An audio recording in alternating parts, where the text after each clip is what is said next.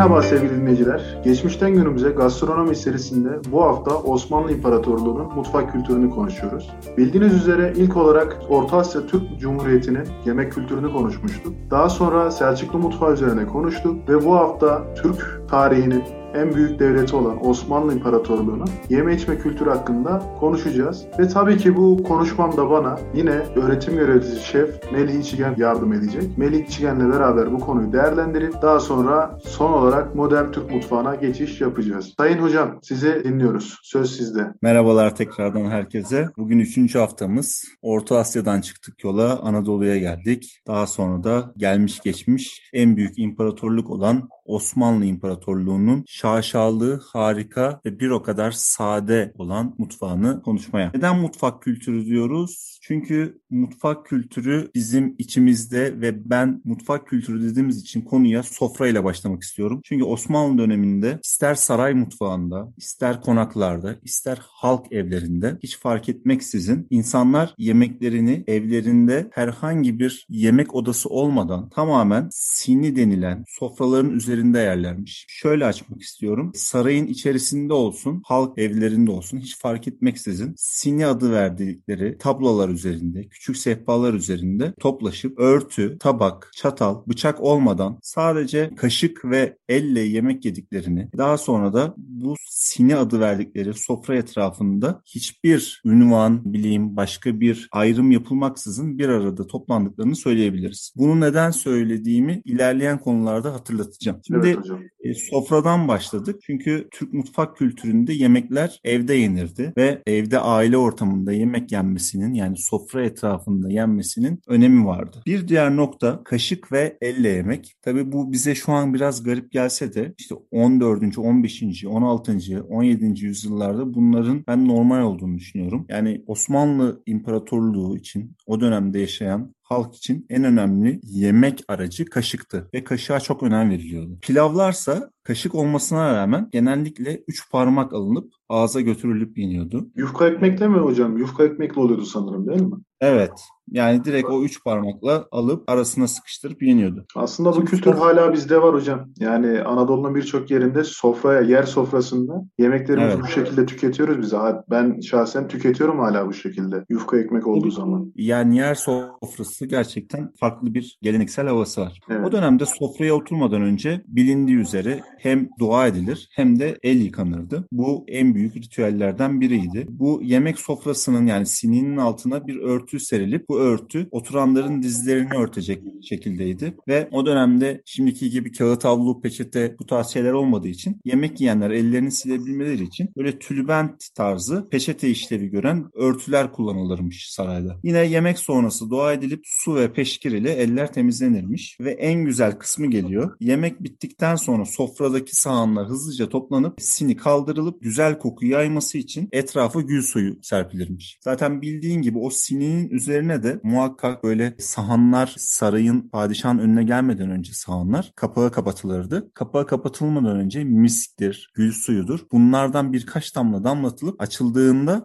güzel hoş kokular gelirmiş yemeklerden. Bu da önemli bir detay. Bence en önemlisi hem saray hem halk bu ayrımı yapmadan bu adabı uygulamaktaymış. Bence bu çok önemli. Yani ister yüksek mevkilerde, yüksek zümrelerde olsun, ister halk olsun belli kurallar ve davranışlara yani sofra adabına uymaya dikkat edilirmiş. Bence bu en önemlilerinden biri. Şimdi günümüzde düşününce o dönemdeki bazı sofra kaideleri, adapları var ve o adaplara uymayan bazı davranışlar var. Mesela ortadan yendiği için herkes sırayla yemek yermiş. Yani kimse aç gözlü gibi elini uzatmazmış. Daha sonra yemeği veren ev sahibinden önce sofraya oturmak ve ondan sonra kalkmak ayıplanırmış. Destursuz yemeğe uzatmak, yemeğe herkesten önce başlamak izin almadan ayıp sayılırmış. Bunlar bana Gerek hiç yabancı gelmiyor hocam. Evet. Bunlar aslında hala günümüzde var. Düşündükçe de diyorum ki hani biz Osmanlı'nın torunlarıyız diyoruz ya. Her anlamda fark ediliyor Osmanlı'nın torunları olduğumuz. Hocam öyle ama yine de bizi dinleyen genç arkadaşlarımızın bunları da hatırlaması lazım. Evet. O yüzden belki bizler için normal geliyor bunlar ama yani metropol şehirlerimizde bunlara uyulduğunu pek sanmıyorum. Ben şunu hatırlıyorum hocam Ankara'da yaşarken yaşımız küçüktü eve arkadaşımı davet etmiştim. Sofrada yemek yiyoruz. Arkadaşla beraber ben onu bekliyormuşum o beni bekliyor. En sonunda uyardı bana Şinas artık kalkmayacak mısın sofradan ben kalkamıyorum dedi senin yüzünden dedi. o şekilde ben de vallahi seni bekliyordum diyerekten kalktık böyle sofradan gülüşmüştük. Yani o o dönemlerde vardı hala var mıdır bilmiyorum ama mutlaka hala ben olduğunu düşünüyorum bazı yerlerde. Fakat unutulmuş bir kültürde diyebiliriz buna. Evet.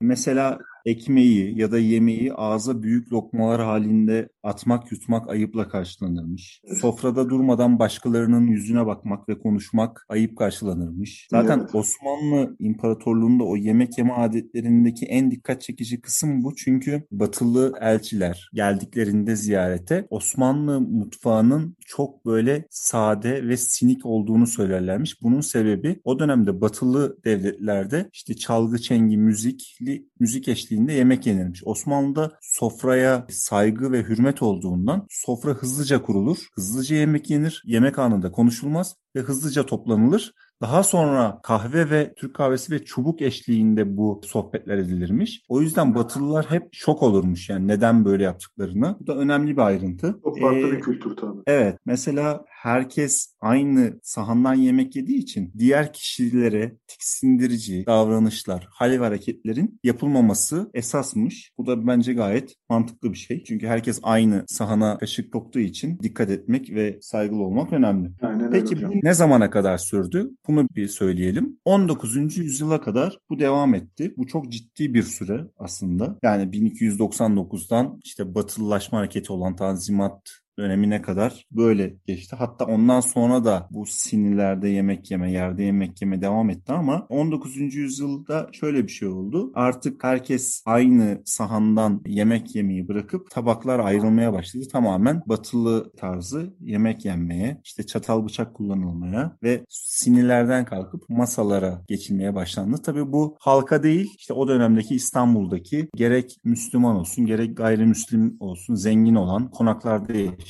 kesimler tarafından benimsendi. Bunu ilk yapan padişahı da birazdan söyleyeceğim. Sanırım Abdülaziz olması lazım hocam. Sultan Abdülaziz. Yanlış mı hatırlıyorum? hatırlayınca söyleyeceğim. İkinci Mahmut diye hatırlıyorum ben. Hmm. Şimdi bu tabii sofra adabı, sofra kültürü önemli şeyler. Daha yemeğe geçmedik. Evet. Bu neden önemli? Çünkü o dönemde yuvarlak sine etrafında herkes eşit mesafelerde otururken alafranga sofrada yani masada o dönemde kişilerin yaşı, cinsiyeti, statüsü nerede oturacaklarını belirlermiş. Yani Osmanlı'da böyle bir şey yokken bu 19. yüzyılda gelen alafranga sofra düzeniyle en değerli yer işte masanın ortası, ev sahibisi burada oturur, işte karşısında yine ev sahibi oturur gibi böyle farklı farklı kurallar gelmiş. Dediğim gibi bu masada yemek yeme alışkanlığı 2. Mahmut döneminde başladığı biliniyor. Fakat bu tür uygulamaların devamlılığı da dediğin gibi sanırım Abdülmecit döneminde olduğunu hatırlıyorum. Tabii onlara da şey yapmak lazım. Ben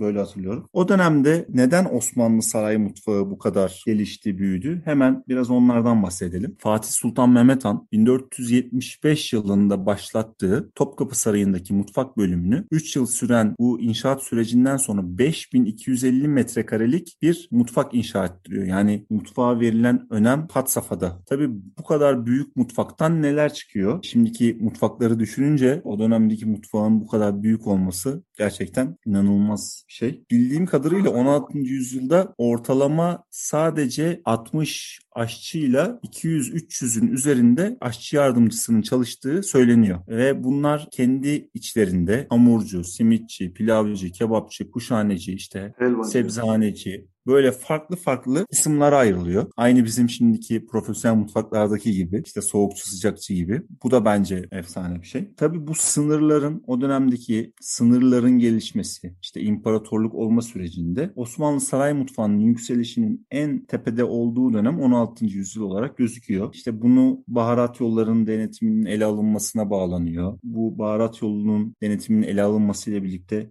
birçok ürün çeşidinin artık saraya rahatlıkla gelmesi, mutfağın zenginleştiğini, mutfak malzemelerinin çeşitliliğinin arttığını, aynı zamanda lezzet ve pişirme tekniklerinin fazlalaştığını söylüyorlar. Osmanlı sarayında sofraya yemekler gelmeden önce yine o sini üstüne iştah açıcı malzemeler konulmuş. İşte bunlar o dönemde çeşit çeşit turşular, zeytin, reçel, ekmek parçaları, farklı salata gibi küçük küçük böyle günümüzdeki iştah açıcı başlangıçlar gibi, mezeler gibi tabaklar konulmuş. Ve yemek boyunca esas ana yemek olan o sahanların içine gelen ana yemeklerin dışında Bunlar da atıştırılırmış. Osmanlı saray mutfağı denince bence birçok farklı kategori var. Bunlardan bir tanesi dünyaya hakim olduğumuz çorbalar. Yani o 16. yüzyıldaki çorba çeşidinin yüzün üzerinde olduğu söyleniyor. Ben bir ara pilavlar konusunda bir araştırma yapmıştım. Pilavlar 500'ün üzerinde çeşit olduğu iddia ediliyor. Bunlar çok büyük rakamlar. Günümüzde bu kadar çeşit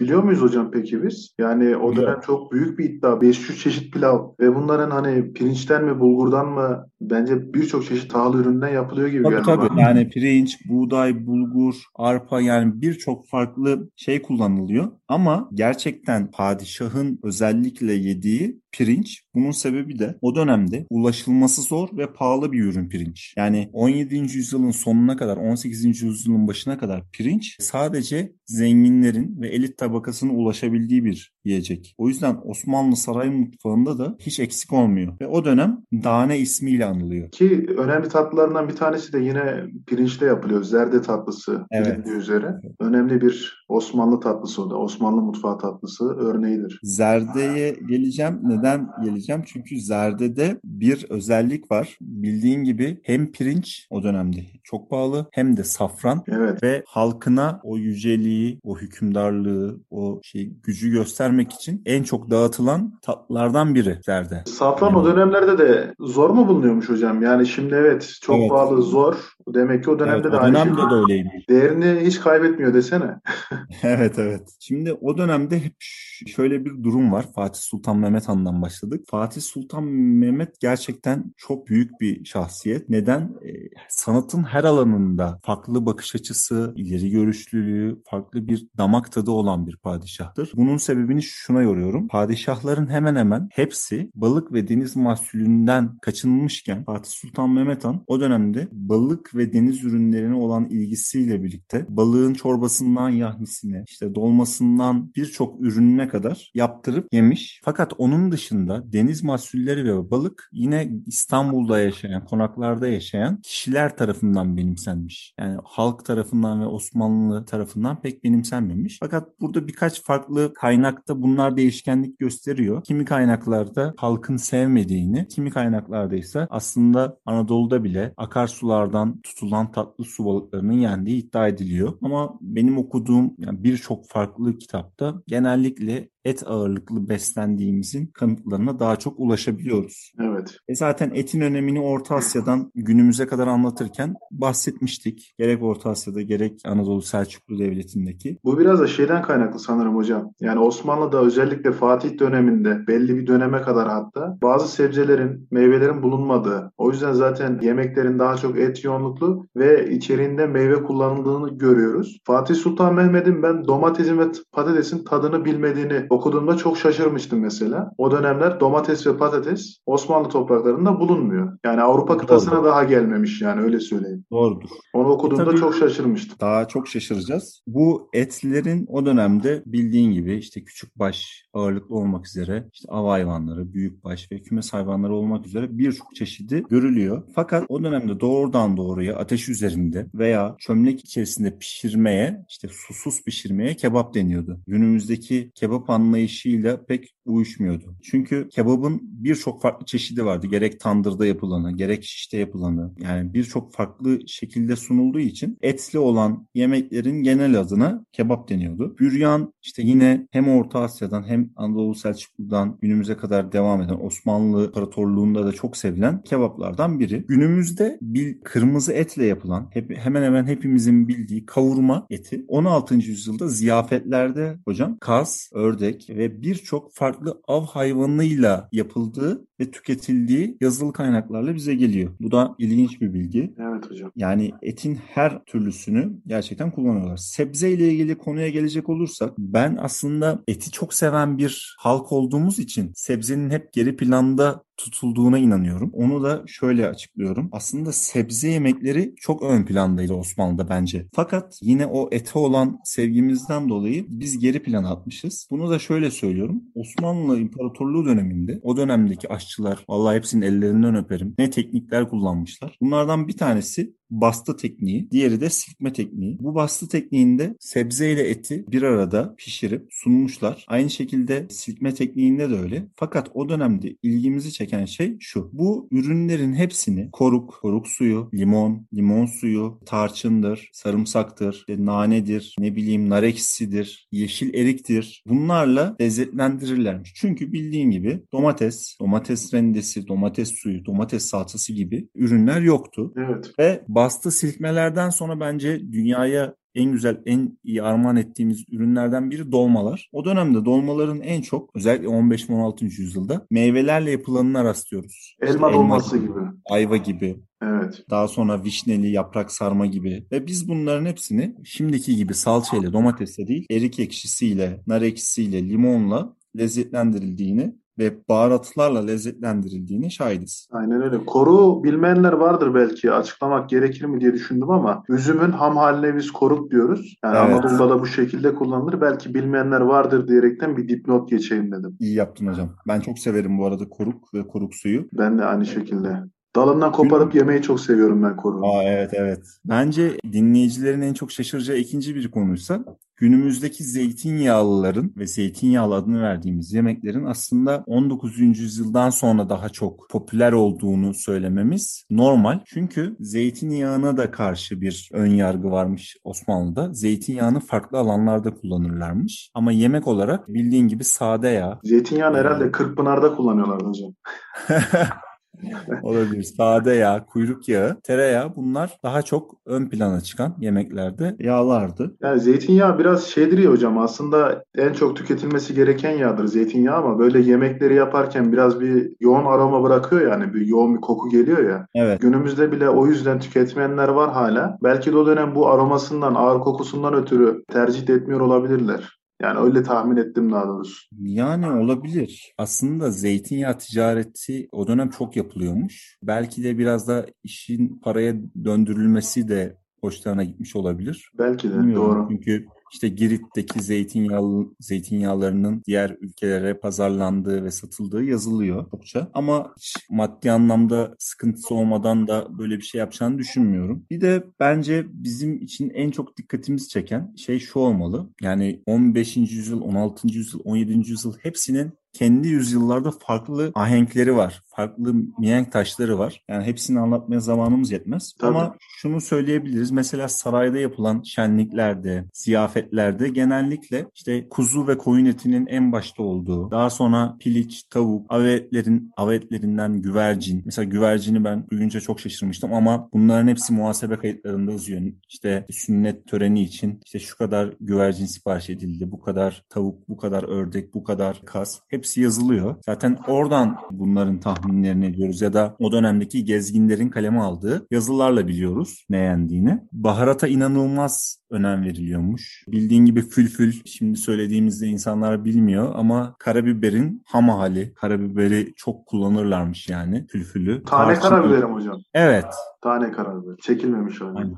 Aynen. Tarçın, kimyon, safran bunlar gerçekten çok önemli ve kullanılan baharatlarmış. Aslında baharatın her türlüsünü kullanmışlar ama tabii yani mesela kakule. Yani kakule mesela şu an inanılmaz pahalı bir şey ama o dönemde en çok işte yemekten sonra kakuleli kahve içmeyi severlermiş. Bu bir alışkanlık olmuş. Ya da kahvaltı kültürünün ortaya çıkmasındaki en büyük sebep yine işte kahve altı yani kahveden önce mideyi bastırsın diye yapılan bir öğün olarak görülmüş ve Türk kahvesi gerçekten çok önemliymiş. Bunun yanı sıra günümüze doğru gelirken o değişimlerden bahsetmiştim. İşte 15. yüzyıldaki yemek yemek yeme alışkanlığı ile 19. yüzyıla geldiğimizde hep böyle bir değişkenlik oluyordu. Bu en büyük değişkenliği sen de söyledin. E, meyve, sebze ve etin bir arada kullanılmasının artık işte o tatlı, tuzlu, ekşi tat dengelerinin 15. yüzyılda, 16. yüzyılda çok sık kullanılırken işte 19. yüzyıla geldiğimizde artık yemek tariflerinde görülemediğini, azaldığına şahit oluyor. Bu bir yemek değişiminin bir göstergesi aslında bize. Mesela şu an bile işte ballı mahmudiye yaptığımızda, mutancana yaptığımızda mesela öğrenciler hep işte hocam gerçekten bunu yiyorlar mıymış? İşte balla tatlandırılan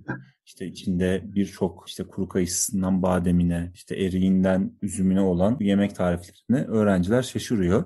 Geçen ben hafta ben de geçen hafta ben de ders kapsamında yaptırdım hocam. Bazıları diyor ki hocam iyi ki bu ders var. Yani çok güzel lezzetler tattık, evet. farkına vardık. Bazıları da yani yine aynı şekilde hocam diyor mesela mutancana yapmış öğrencinin bir tanesi. Nasıl Hı-hı. diyorum beğendiniz mi? Evdekiler beğendi mi diye sordum. Hocam diyor bizim damak tadımıza uymadı pek diyorlar. Ama bu tamamen işte damak tadının alışkanlığıyla alakalı ama dediğim gibi bazıları da iyi ki bu dersi işliyoruz diyorlar. Yani ama ben çok seviyorum ya öyle tatlı, tuzlu, ekşi dengesini bir arada kullanmayı çok seviyorum. Boraniler de çok güzel oluyor hocam işte o ayva boranisinde, üzüm evet, boranisinde evet. efsane oluyor. Yani bence harika. Bizi dinleyip de denemeyenler varsa bence muhakkak denemeli yani. E, tabii. Daha sonra o dönemle alakalı mesela şey söyleyebiliriz. Mesela tatlılara geldiğimizde inanılmaz bir zenginlik var. Orada yine bir imparatorluğun zenginliğini şöyle görebiliyoruz. Şeker o dönemde çok az ve pahalı. Çoğu tatlıda bal pekmez kullanılsa da yine de sarayda yapılan tatlılarda şekerin kullanıldığına şahit oluyoruz. Mesela halk evlerinde yani halkın yaptığı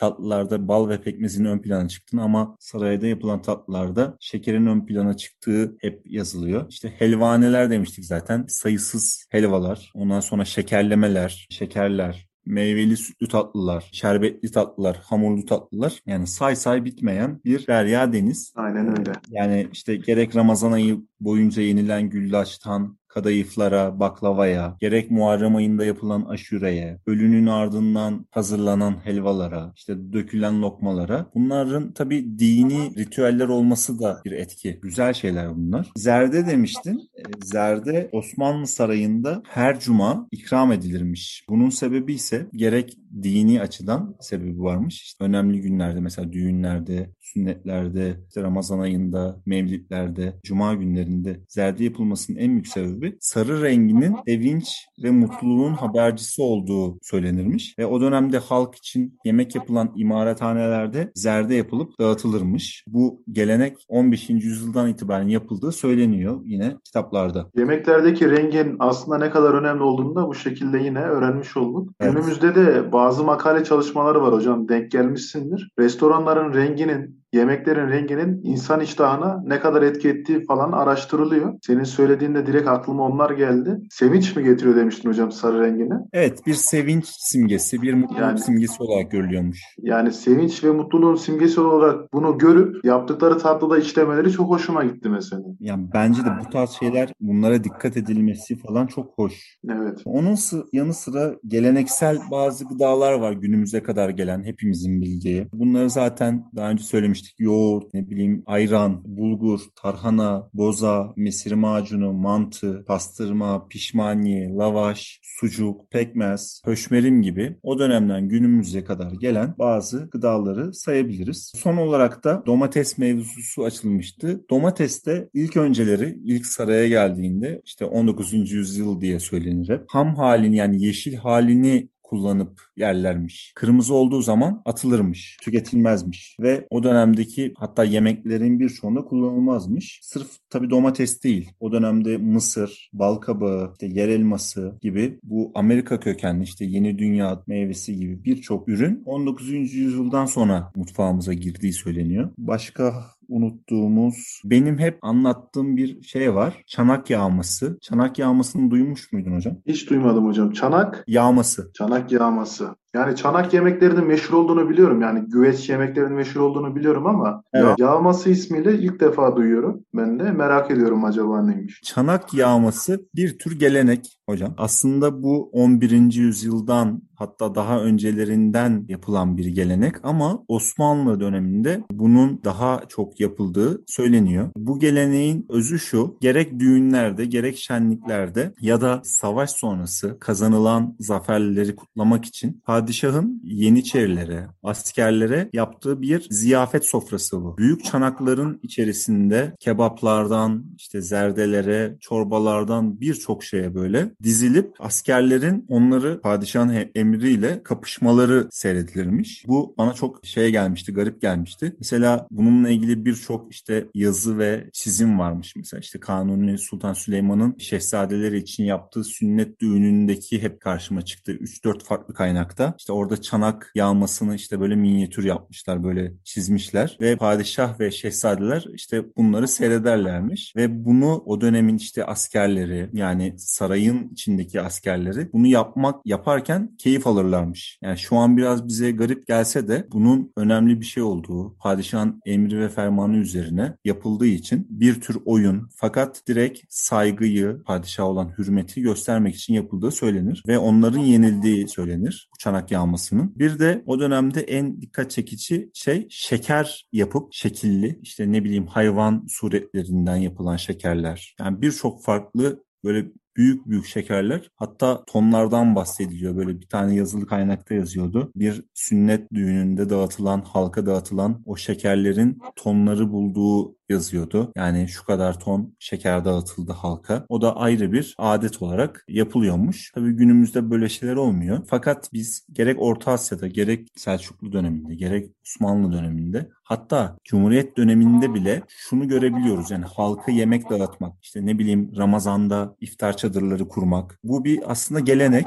geçmişten günümüze. Fakat çanak yağması işin bence en farklı ve büyük boyutu. Tabii o dönemde bunları yaparken de bu izdamlarda işte gümüşler, altınlar da dağıtıldığı söyleniyor. Direkt halka o sevinçle birlikte, zafer sevinciyle birlikte dağıtıldığı söyleniyor. Evet hocam. Ee, şerbetleri atladık. Şerbetler çok önemli Osmanlı saray mutfağında. Şerbetleri atlamayalım hocam çünkü şerbetlerin çeşitine geçtim veya lezzetini geçtim sağlık açısından da çok önemi var. Osmanlı döneminde sağlık amacıyla yani şifa amacıyla da kullanılıyor. O yüzden hatta tariflerde buna şu hastalığa şu şerbet iyi gelir. Kesinlikle. Bu hastalığa bu şerbet iyi gelir diyerekten belirtilmiş de yani. Evet evet yani yine o 5250 metrekarelik mutfakta yer alan helvanelerde yapılırmış şerbetler. İşte gerek demirindi şerbeti, gerek loğusa şerbeti, işte limon şerbeti, gül şeker şerbeti, Sirkence kırmızı, kırmızı gül, nilüfer, karabaş, ayva yaprağı, vişne yani birçok farklı şerbet yapılmış ve dediğin gibi bunlar aslında ecza şerbeti olarak bilinirmiş. Yani şifa şerbeti olarak bilinirmiş. Bu da önemli bir kısmı. Yani bir yalnızca... Not, bir dipnot düşmek istiyorum hocam şerbet konusunda. Üzerine de çalıştığım yıllarda yani Trakya Üniversitesi'nde çalıştığım yıllarda böyle bir projemiz vardı. Osmanlı evet. şerbetlerinin gün yüzüne çıkartılmasıyla alakalı ve bu bir işletme olarak da kuruldu aynı zamanda.